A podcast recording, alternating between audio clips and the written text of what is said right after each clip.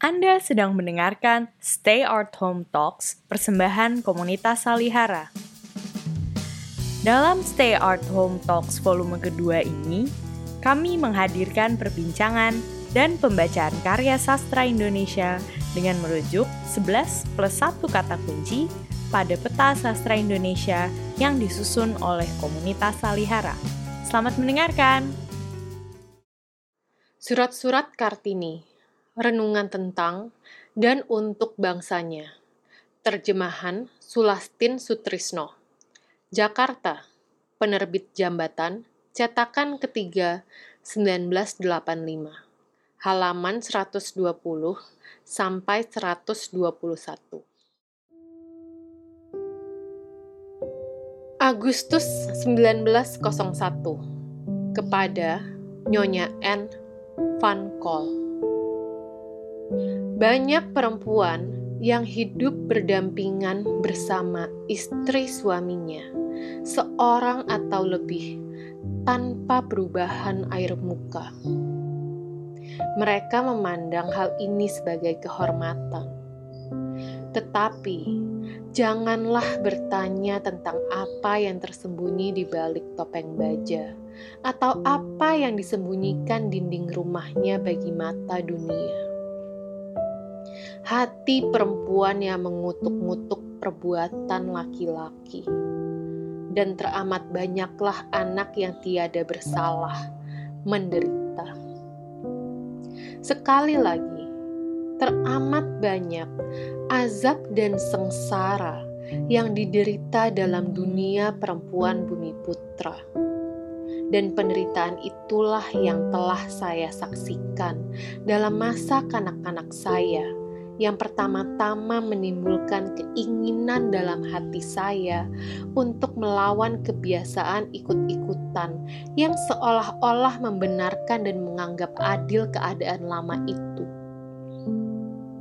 Usaha kami mempunyai dua tujuan, yaitu turut berusaha memajukan bangsa kami dan merintis jalan bagi saudara-saudara perempuan kami menuju ke keadaan yang lebih baik, yang lebih sepadan dengan martabat manusia.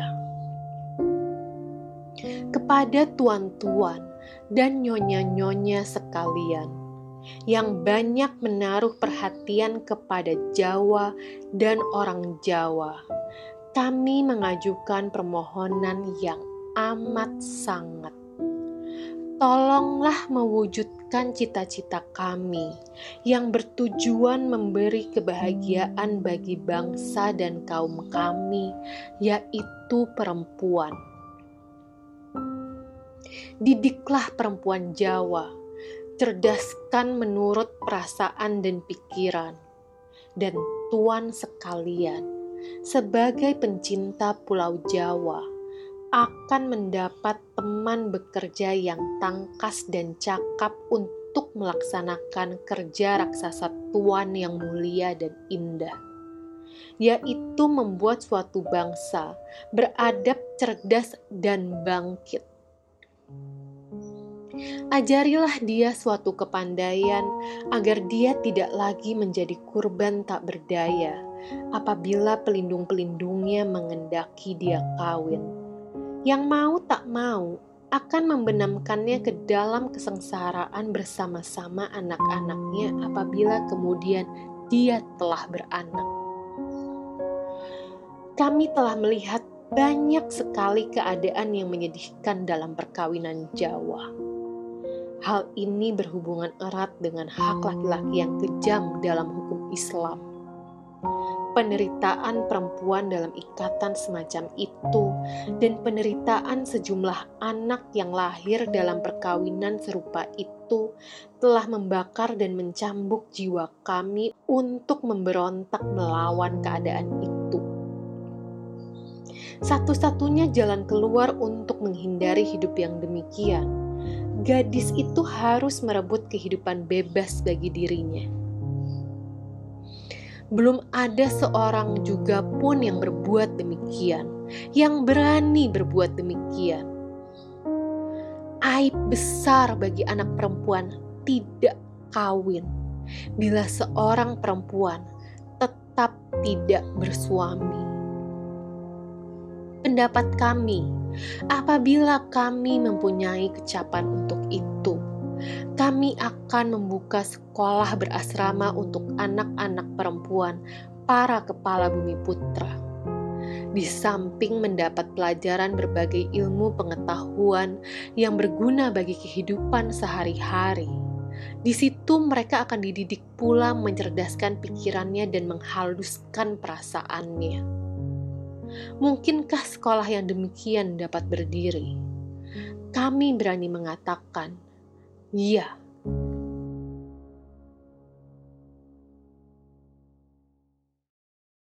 Kita sudah mendengarkan petikan surat Kartini yang ditulis pada tahun 1901. Pembacaan ini dalam rangka program Stay Art Home Talks Komunitas Salihara volume 2 dan kali ini dalam episode Surat-surat yang mengubah Hindia. Sekarang saya Ayu Utami sudah bersama Mbak Melani Budianta, guru besar di Fakultas Ilmu Budaya FIB Universitas Indonesia. Mbak Melani, siapa yang nggak tahu Kartini di Indonesia? Ulang tahunnya kita rayakan setiap tahun sebagai Hari Kartini. Kita mengenang Kartini sebagai terutama pahlawan emansipasi perempuan, tetapi sesungguhnya dia melebihi atau tidak terjebak saja dalam citra itu. Nah, kita pengen tanya nih, Kartini hidup 100 tahun yang lalu. Apa sih relevansinya membaca Kartini kepada anak-anak zaman sekarang? Terima kasih Ayu. Ya, Kartini memang hidup sudah lama ya. Tetapi kita harus ingat Kartini ketika dia menulis surat, ketika dia menceritakan hidupnya itu usianya masih muda ya. Gitu ya. Memang surat-suratnya tahun 1899 gitu ya, tapi kalau kita melihat intensitasnya pasti dia sudah memulai lebih awal gitu.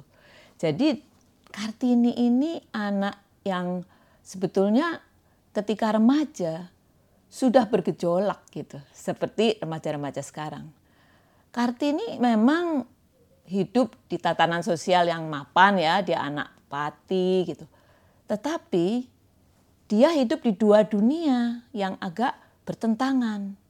Satu dunia adalah dunia pikirannya. Karena dia membaca begitu banyak, dia bisa bahasa Belanda, dia baca macam-macam gitu. Jadi pikirannya luas sekali. Tetapi dia ada di dalam lingkungan budaya yang waktu itu sangat konservatif dan ketat ya. Sehingga dia harus berada di dua itu pikirannya maju ke depan sedangkan alam sekitarnya lingkungannya itu sangat mengungkung. Jangan lupa dia pada waktu umur 12 dipingit di dalam mungkin di dalam kamar dan lebih terbatas lagi.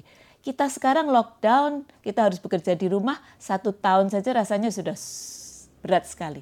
Kartini empat tahun dipingit tidak boleh ke mana-mana. Nah bayangkan itu mungkin kita bisa rasakan sekarang ya. Anak-anak muda yang pikirannya jauh ke depan karena anak muda sekarang baca internet, lihat ke mana-mana, bacanya luas, tersambung dengan digital ke mana-mana, uh, interaksinya luas. Tetapi dia juga masih ada di dalam masyarakat yang banyak juga nilai-nilai yang membatasinya. Ada anak mahasiswa yang uh, tidak bisa meneruskan sekolah karena diminta cepat kawin oleh orang tuanya. Ada yang macam-macam kungkungan itu dengan berbagai budaya yang berbeda-beda di bangsa kita ini ya. Nah, jadi masih relevan sebetulnya karena anak-anak muda kita juga menghadapi hal itu. Pikiran dan wawasannya terbuka lebar, tetapi banyak sekali kendala-kendala yang dihadapi dalam kehidupan sehari-harinya. Begitu Mbak Ayu kira-kira. Iya ternyata luar biasa sekali bahwa uh, konteks Kartini yang 100 tahun yang lalu itu masih relevan buat kita zaman sekarang. Apalagi ketika kita menghadapi COVID dan kita dipingit di ruangannya masing-masing. Bukan oleh kultur, melainkan oleh uh, keadaan uh, kesehatan. Nah mungkin sekarang kita juga bisa melihat nih ya, kita berada dalam tegangan, Kartini berada dalam ketegangan antara keluasan informasinya, keluasan pemikirannya, tetapi keterbatasan kungkungan kulturnya. Nah, bagaimana kira-kira Kartini ini mengekspresikan ketegangan itu atau mengungkapkan ketegangan itu uh, melalui apa? Karena kita kan sebagai orang kalau mengalami energi tertekan itu perlu untuk mengekspresikannya. Kartini bagaimana cara dia mengekspresikan itu? Ya, perlu diingat Ayu, pada waktu zaman Kartini itu belum ada handphone ya, jadi nggak bisa WhatsApp ke mana-mana ya, gitu ya. Kemudian tentu saja belum ada televisi juga gitu. Jadi bayangkan di, da di dalam pingitan itu tidak ada apa-apa, dia terkungkung gitu ya. Tapi ada satu cara supaya Kartini itu juga tidak kalau orang lain bisa mungkin bisa gila ya di hadapan kungkungan seperti itu. Dia membaca, dia banyak bacaan gitu ya. Dia membaca surat kabar, dia membaca novel-novel, ada Max Havelaar yang dibaca, dia baca juga eh, roman-roman. Roman -roman Kemudian yang lain lagi adalah dia menulis. Dia membaca, dia menyerap begitu banyak, dia bisa berkelana melalui pikiran imajinasinya dan kemudian dia menulis. Dia berkomunikasi, menyalurkan apa yang dirasakannya kepada orang lain gitu ya. Nah, kita juga bisa begitu karena di sini misalnya anak-anak muda sekarang menulis di blog, menulis buku harian dan sebagainya. Kita bisa melihat itu dilakukan oleh Kartini ya. Antara membaca dan mengekspresikan melalui surat. Ya. Surat-suratnya itu sungguh luar biasa, menunjukkan bagaimana dia memproses pikiran dan menyampaikannya kepada orang lain. Tetapi sebetulnya Pak Kartini itu tidak sekedar curhat ya, tetapi e, ketika dia memproses pikirannya, perasaan keterkungkungannya itu, dia sambil juga memikirkan orang lain juga gitu. Begitu kira-kira Mbak Ayu. Nah, jadi di sini kita melihat bahwa uh, kalau anak-anak sekarang mungkin yang seumur Kartini ya 20 tahunan ya. 20 awal itu banyak yang nulis dan mungkin saya tidak tahu apakah anak-anak sekarang lebih banyak curhat karena formatnya juga bisa lebih pendek. Tetapi kalau Kartini ini uh, surat merupakan uh, medium utama Kartini. Dan ketika Kartini berhubungan dengan uh, korespondensinya ternyata Kartini tidak hanya curhat tetapi juga banyak sekali mengutarakan pemikiran-pemikiran yang mutunya tinggi. Jadi kita pengen beralih sekarang kepada pemikiran-pemikiran Kartini. Mbak Melani, surat Kartini ini sering sekali kritis kepada bangsa dan kebudayaannya, seperti yang tadi kita dengar dibacakan. Nah, apakah Kartini ini bisa dibilang menjelek-jelekan bangsanya sendiri? Nah, Kartini memang orang yang sangat kritis. Dia tidak bisa berpura-pura gitu ya kalau ada sesuatu yang dirasanya tidak betul gitu ya. Tetapi sikap kritis ini tidak hanya ditujukan pada bangsanya sendiri gitu. Memang dia sangat terpesona dengan keleluasaan yang dirasakan oleh teman-teman perempuannya di Eropa. Ya, dia merasa oh teman-teman di Eropa itu mempunyai uh, ruang yang lebih luas yang dia sebut emansipasi, lalu dia sebut juga kata demokrasi gitu ya. Kemudian disebut eh, apa namanya zaman baru gitu ya. Dia sangat terkesima dan dia sangat ingin untuk sampai ke situ ya. Itu ada satu. Tapi pada saat yang sama dia juga tidak menutup mata terhadap apa misalnya kekurangan kelemahan-kelemahan atau yang eh, perbuatan yang kurang baik yang dia lihat dari penguasa kolonial atau orang-orang Belanda pada waktu itu kepada bangsanya sendiri begitu ya. Bagaimana orang Belanda melihat bangsanya dengan stereotip, merendahkan dan dia merasa bahwa itu dia harus bela juga gitu karena dia melihat semuanya dalam dalam konteks yang lebih lebih utuh ya. Dia lihat kelemahan tapi dia juga kekuatan gitu ya. Jadi eh, dia juga mempunyai empati yang sangat kuat terhadap orang-orang yang tertindas. Mungkin karena posisi seperti itu, walaupun dia anak bupati ya, dia dia anak bupati karena itu dia tidak kekurangan makan dan sebagainya, tapi dia sendiri terkurung secara budaya dari, dari aspek ke, e, perempuanannya ya. Lalu dia bisa berempati dengan orang-orang yang juga terpinggirkan gitu. Jadi dia itu e, kekrit, sikap kritisnya cukup berimbang gitu ya dia ingin memajukan bangsanya. Itu. Jadi itikatnya bukan menjelekkan, itikatnya adalah bagaimana dia memajukan bangsanya. Bagaimana anak perempuan Indonesia juga bisa menyumbangkan bakatnya seperti anak-anak perempuan di Eropa gitu ya. Begitu. Tapi Eropa juga punya kelemahan gitu dan itu juga dikritiknya gitu. Jadi cukup berimbang. Iya, sebetulnya kita juga melihat uh, kalau kita membaca serius surat-surat Kartini, kritiknya terhadap bangsa Eropa itu juga ta cukup tajam ya. Sebetulnya sama tajamnya dengan kritiknya terhadap bangsa sendiri. Jadi kita sebetulnya bersyukur bahwa melihat satu tokoh perempuan uh, yang 100 tahun lalu sudah demikian kritis. Cuma kita tahu juga bahwa banyak kontroversi uh, yang di, kita lihat sekarang terhadap pencitraan Kartini ya. Ada orang yang sangat mendukung Kartini tapi ada juga yang kurang mendukung. Misalnya adalah uh, Kartini kan pada awalnya uh, seorang anak muda yang sangat berapi-api untuk untuk ikut untuk bersekolah, untuk ikut untuk, untuk apa memajukan pendidikan bangsanya. Kemudian dia sangat berapi-api dalam sikapnya terhadap poligami, dia sangat anti poligami pada awalnya. Tetapi kemudian dia setuju untuk menikah dengan seorang duda beranak enam gitu. Nah, nah ini kita perlu bertanya nih, apakah Eh, Kartini bisa dilihat sebagai tokoh yang kalah di akhir hidupnya. Apakah dia menyerah? Memang ketika membaca surat-surat itu kita seperti melihat seluruh prosesnya itu terus terang saya kadang-kadang tidak tahan ya. Saya betul-betul merasa teriris gitu ya. Di awal dia adalah tokoh yang mengatakan yang penting itu saya mau, bukan saya dapat. Karena dia sadar kemauannya itu belum tentu bisa diwujudkan. Dia tahu kedua itu. Kalau dia bilang dia bilang kalau saya bilang saya dapat, saya akan merasa depresi gitu. Karena mungkin tidak bisa gitu. Tapi kalau saya mau itu jiwa saya gitu ya. Nah, itu e, pergolakannya.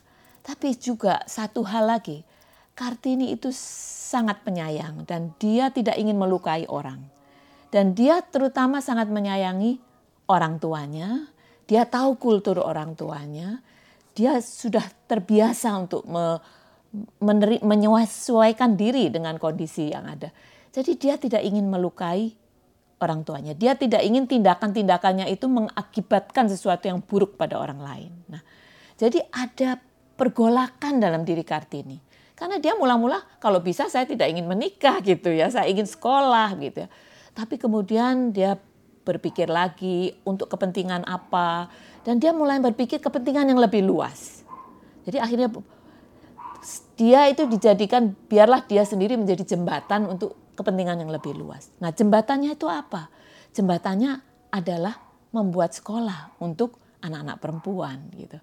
Jadi dia berpikir oke okay lah apa pun yang saya saya alami, yang saya harus alami, saya akan bernegosiasi agar saya tetap bisa membuat sekolah untuk perempuan. Kalau itu bisa, oke. Okay. Jadi ada negosiasi. Dia ingin tidak ingin melukai ayahnya, tapi kalau dia menikah ada syarat bahwa dia tetap bisa membuat sekolah perempuan. Jadi ada ada pertimbangan-pertimbangan yang sangat-sangat berat yang harus dilakukan oleh Kartini pada masanya. Sehingga akhirnya dia memang menikah, tapi dengan syarat dia tetap bisa membuka sekolah itu. Dan sekolah itu adalah apa yang dia jiwanya itu, apa yang dia mau itu ya. Dan akhirnya dia menyesuaikan diri dengan apa yang dapat dia lakukan dalam kondisi saat itu. Kita sekarang juga pada posisi itu, Ayu. Kita punya keinginan A dan B, tapi kita ada keterbatasan. Lalu apa yang bisa kita lakukan? Kita toh akhirnya harus bernegosiasi dengan kondisi yang ada dan cita-cita kita. Sehingga kita tidak mengorbankan, tapi Kartini tahu dia harus mengorbankan diri tetapi dia tetap pada satu cita-cita yang dia pegang gitu. Itu kira-kira suatu uh, negosiasi untuk kepentingan yang lebih besar. Ya, saya ingat surat Kartini kepada Stella uh, yang menceritakan bahwa ketika itu Kartini sudah memutuskan untuk tidak berangkat ke Belanda. Uh, dia menceritakan bahwa pasti kamu kecewa Stella bahwa saya tidak mau berangkat ke Belanda lagi. Uh, tapi dia bilang daripada kira-kira dia bilang begini bahwa mungkin gunanya akan lebih besar bagi bangsa saya kalau saya tinggal di sini ketimbang daripada saya pergi ke Belanda. Jadi uh, kalau dari kesenangan mungkin Kartini akan lebih senang berangkat ke Belanda, tapi buat bangsanya lebih baik bahwa Kartini ada di sini dan menjadi seperti mereka. Antara lain menjadi seorang ibu menikah seperti yang dia sebut juga seperti orang kebanyakan. Memang mengharukan ya bahwa uh, dia memilih uh, berguna bagi banyak orang daripada memilih kesenangannya sendiri. Tapi sebelum itu saya ingin bertanya juga nih, uh, Kartini menulis dalam bahasa Belanda dan dia selalu menjadi jembatan. Tapi kira-kira ada problem gak ya? Kalau kita sekarang kan anak-anak sekarang mulai menulis juga dalam bahasa asing, bahasa Inggris misalnya. Nah ini gimana kira-kira dari soal bahasa? Kenapa Kartini menulis dalam bahasa asing? Dan apakah kalau anak-anak sekarang menulis dalam bahasa asing itu suatu yang baik atau yang kurang baik? Sebetulnya Kartini itu iri dengan teman-temannya perempuan yang lain di Belanda ya. Yang dia mengatakan atau orang Belanda yang bisa empat bahasa asing gitu ya. Perancis, Jerman gitu kan di sekolah kalau pada masa itu harus belajar. Kalau dia diberi kesempatan dia mau lebih banyak bahasa dia kuasai gitu ya. Tetapi sudah sangat luar biasa bagi anak yang berusia dia dia sudah mulai lancar bahasanya sejak umur berapa ya 15-an ke atas sudah lancar berbahasa Belanda dan bahasa Belandanya itu seperti begitu bagus sehingga ketika suratnya dibaca orang Belanda pun mereka menghargai ini sebagai satu karya sastra gitu ya, satu karya yang indah gitu ya. Jadi penguasaan bahasa itu suatu modal. Saya mengatakan anak-anak sekarang kalau bisa menguasai bahasa asing apa pun kuasailah gitu ya. Karena bagi Kartini ini bahasa ini adalah jembatan untuk berkomunikasi dengan dunia. Kita tahu karyanya diterbitkan di Belanda, kemudian diterbitkan ke, di Inggris, diterjemahkan gitu ya. Dan ke mana-mana sebelum diterjemahkan ke uh, bahasa in, Indonesia sendiri. Tetapi ten, Kartini tentu tidak melupakan bahasanya ya. Dia berkomunikasi dengan orang Belanda jadi dia menggunakan bahasa Belanda dengan baik. Tapi Kartini tentu tidak melupakan bahasanya sendiri gitu ya. Jadi uh, saya kira konteks pada masa Kartini itu membutuhkan bahwa dia berkomunikasi dalam bahasa Belanda.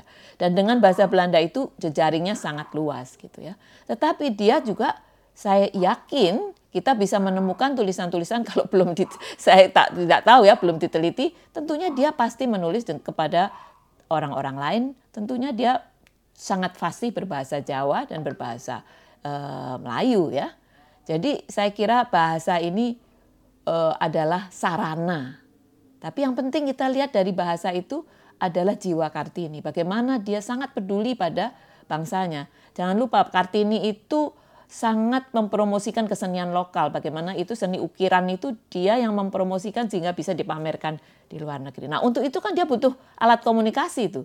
Dia berbicara dengan orang-orang lokal dengan bahasa apa. Dia menulis dengan bahasa internasional untuk khalayak internasional. Jadi kita tahu uh, fungsi bahasa yang sangat fleksibel itu, uh, ya, sangat luas ke kemungkinan pemakaiannya. Iya, kalau kita baca surat-surat Kartini itu kita juga melihat seorang yang tidak hanya berpikir di berangan-angan tapi juga orang yang terlibat ya. Dia mengembangkan bisnis uh, kerajinan, dia mencari bahan dan segala macam. Jadi orang yang yang yang sungguh-sungguh terlibat dalam uh, hal-hal sehari-hari juga. Nah, uh, sekarang ini sayangnya kita sering hanya membatasi Kartini sebagai pelopor emansipasi perempuan. Tanpa meremehkan emansipasi perempuan, tapi sebetulnya kita juga uh, perlu mengenal sisi-sisi lain Kartini. Uh, ya tadi sebagai orang yang sebetulnya pelopor uh, bisnis kerajinan tangan Indonesia dan dia juga seorang pelopor pendidikan sebetulnya konsep pendidikan nasional atau konsep pendidikan pribumi yang berbeda dengan pendidikan kolonial.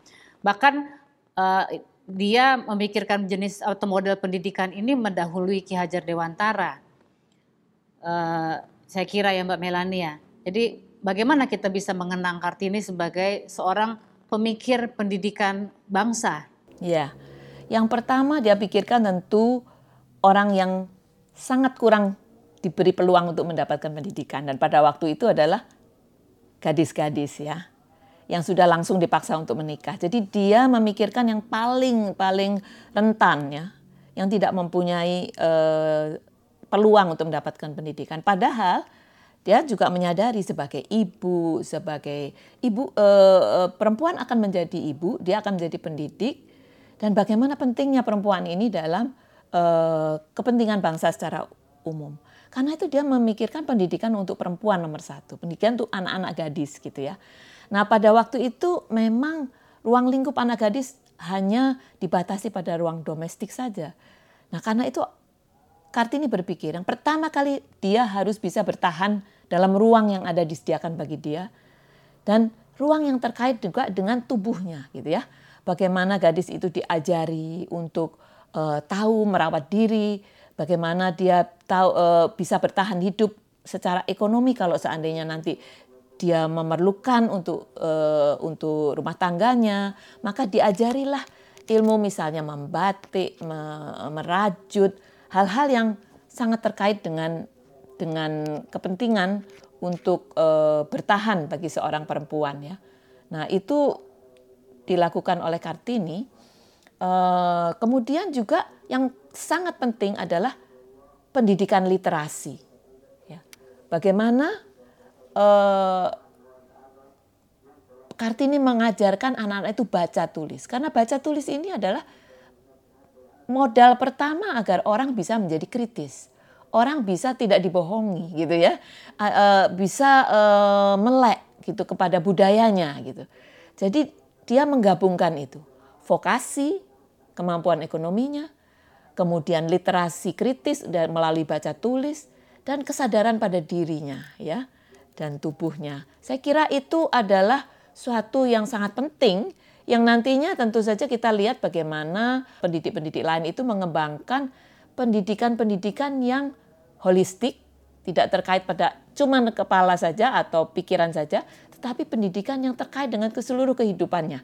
Jadi bisa menanam, bisa bisa menghargai alam, bisa bersihkan lingkungan dirinya dan sebagainya. Jadi saya kira sejalan dengan apa yang dilakukan oleh para pemikir pendidikan yang memberikan alternatif pendidikan alternatif ya bukan hanya pendidikan formal yang terbatas pada intelektualitas belaka.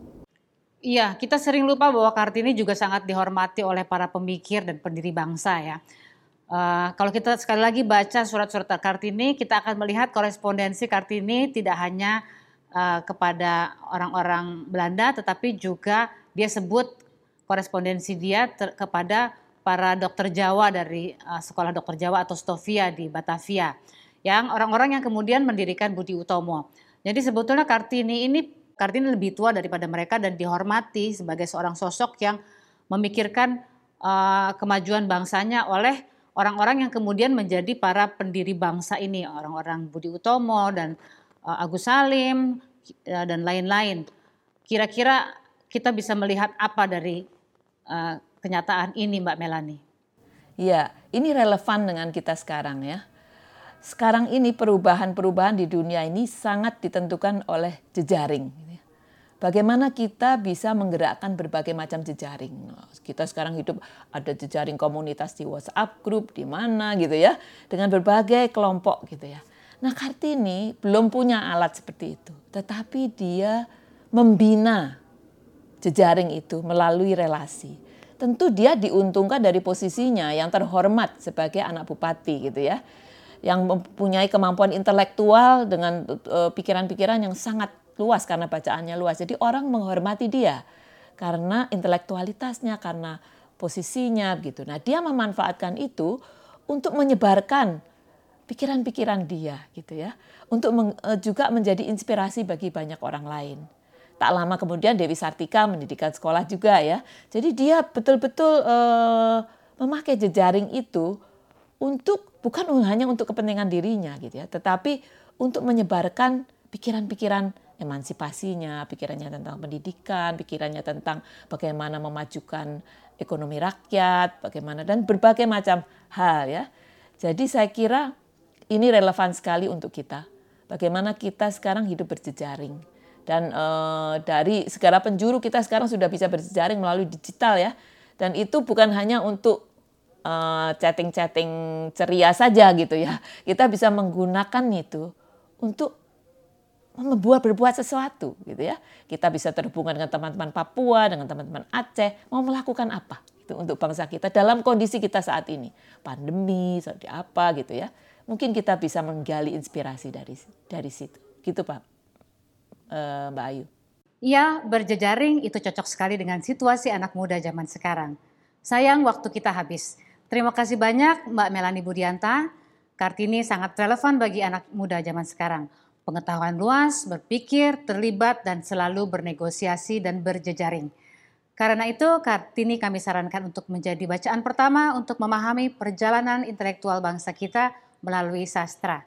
Jangan lupa pemirsa, simak 11 plus 1 Peta Sastra Indonesia di kanal YouTube Peta Sastra Indonesia. Sampai jumpa di episode berikutnya.